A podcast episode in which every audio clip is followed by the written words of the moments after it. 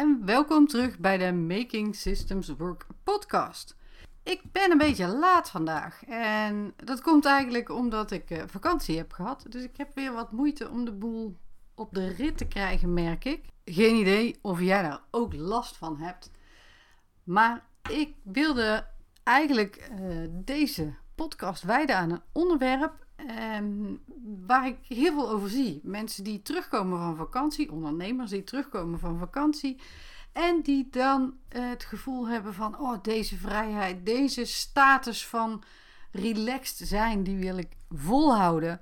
Maar, en je voelt hem al aankomen, na een paar dagen, binnen een dag voor sommigen zelfs al, en bij anderen duurt het een week, zitten ze weer in de uh, race, in de waan van de dag en vragen zich af waar die vakantie was en hoe relaxed dat was. Nou, dat is het onderwerp van deze podcast.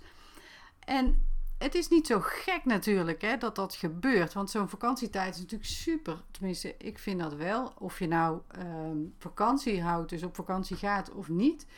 En deze zomer was het natuurlijk zeker heel erg mooi weer. En de dagen zijn lekker lang. En het is, ja, iedereen lijkt al wat relaxer te zijn. Je kan veel meer naar buiten. En nogmaals, zeker deze zomer geldt natuurlijk niet elke zomer in Nederland. Je klanten die zijn ook weg, of in ieder geval eventjes uh, wat minder uh, doen ze een beroep op jou. En um, zo, zo tegen half augustus, eind september of eind augustus, dan heb je gewoon weer zin om met en voor die klanten aan de slag te gaan. En toch is het de rust van de vakantie die je zo graag zou willen behouden, of de vrijheid die je voelde. De een noemt het rust. Hè, afstand van uh, alle drukte en uh, de, het keurslijf waar je in moet. En uh, ja, dat geeft natuurlijk vrijheid, een gevoel van vrijheid. En die wil je wel bij je houden. En wat ik al zei, heel vaak zie je, hoor je, lees je na drie dagen of nou ja, iets meer of minder dan ben je meteen weer terug in die uh, hectiek van alle dag. Alsof je gewoon niet weg geweest bent, of dat je er niet tussenuit geweest bent, of dat je geen rustigere periode hebt gehad. En ondanks dat je je zo voorgenomen had dat het deze keer niet zou gebeuren, dat je weer in diezelfde drukte stapt. je zou het echt helemaal anders gaan doen. Gebeurt het toch weer? En heel vaak begint dat natuurlijk met allerlei documenten of e-mails en vragen die je niet meteen terugvindt. Want dat is net van voor je vakantie. Of je dacht, oh ja, dat moet ik nog doen na mijn vakantie. Klanten die graag toch iets eerder aan de slag gaan omdat het hun beter uitkomt. Uh, dingen die uitgesteld worden. Kortom, stress. Een klant van mij, laten we haar eventjes Ankie noemen, dat is niet haar echte naam, die overkwam dat ook.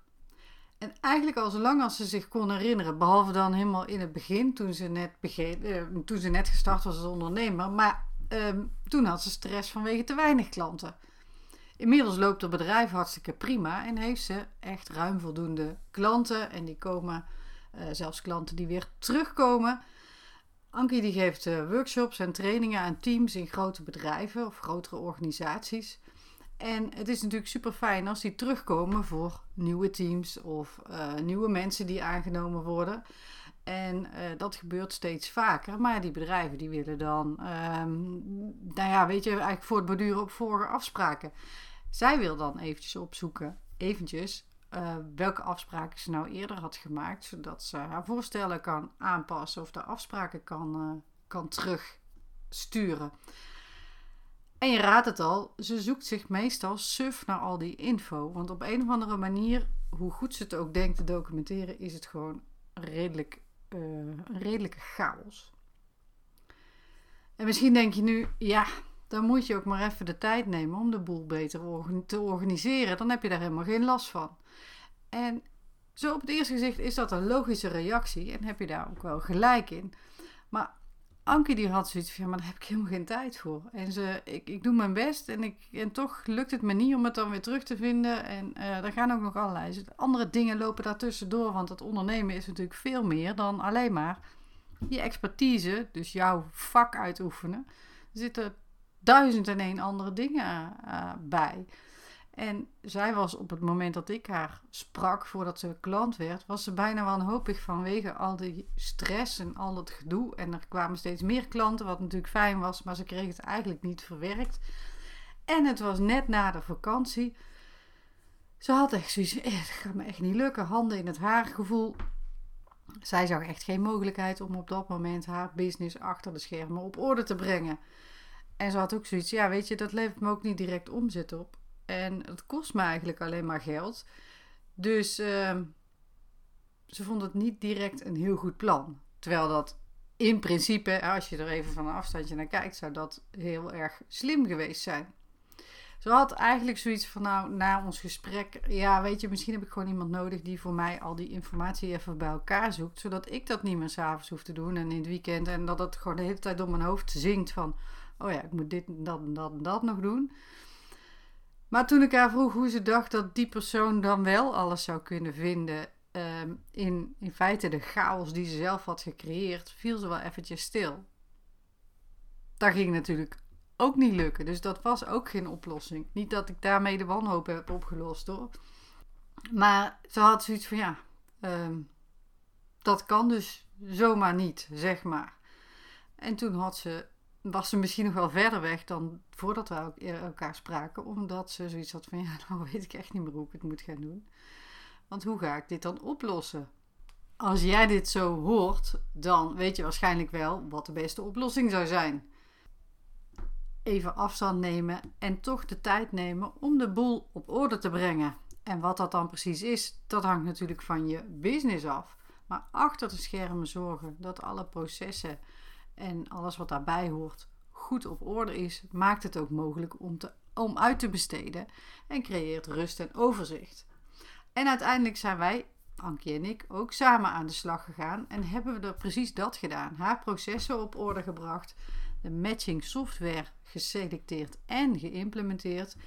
En nu is ze zover dat ze relaxed kan ondernemen en groeien met haar bedrijf. Ze heeft uh, overzicht, consistentie en zelfs tijd gecreëerd voor zichzelf. Misschien ken jij of herken jij de situatie van Ankie wel een beetje. misschien ben je zelf net terug van een rustige zomerperiode en denk je nu na twee, drie dagen of een weekje: shit, zit ik weer in de hectiek waar ik eigenlijk niet meer in terug wilde. Maar je voelt ook druk en te druk om afstand te nemen en uh, je bedrijf achter de schermen op orde brengen. Je weet ook misschien niet helemaal goed wat je moet gaan doen. En stiekem kan het zomaar zijn dat je niet gelooft dat dat ook zoveel verschil kan maken. Net als bij Anki. Ook jij wil misschien liever energie steken in uitbesteden, over de schutting gooien, dan de boel onder de motorkap bij jouw business aanpakken. Helaas, zo werkt dat niet. Wel weet ik zeker dat elke te drukke ondernemer relaxed kan gaan ondernemen. Maar dan moet je aan de slag onder de motorkap van jouw bedrijf. Niet misschien het meest sexy onderwerp om mee aan de slag te gaan, maar het kan je zo onwijs veel opleveren. En als jij nu denkt, hmm, daar ben ik eigenlijk misschien stiekem toch wel aan toe, maar misschien ook nog niet heel echt dan heb ik iets voor je. Ik heb een mini-training gemaakt om je te helpen daarbij. En die heet Hoe je van te druk naar relaxed ondernemen gaat.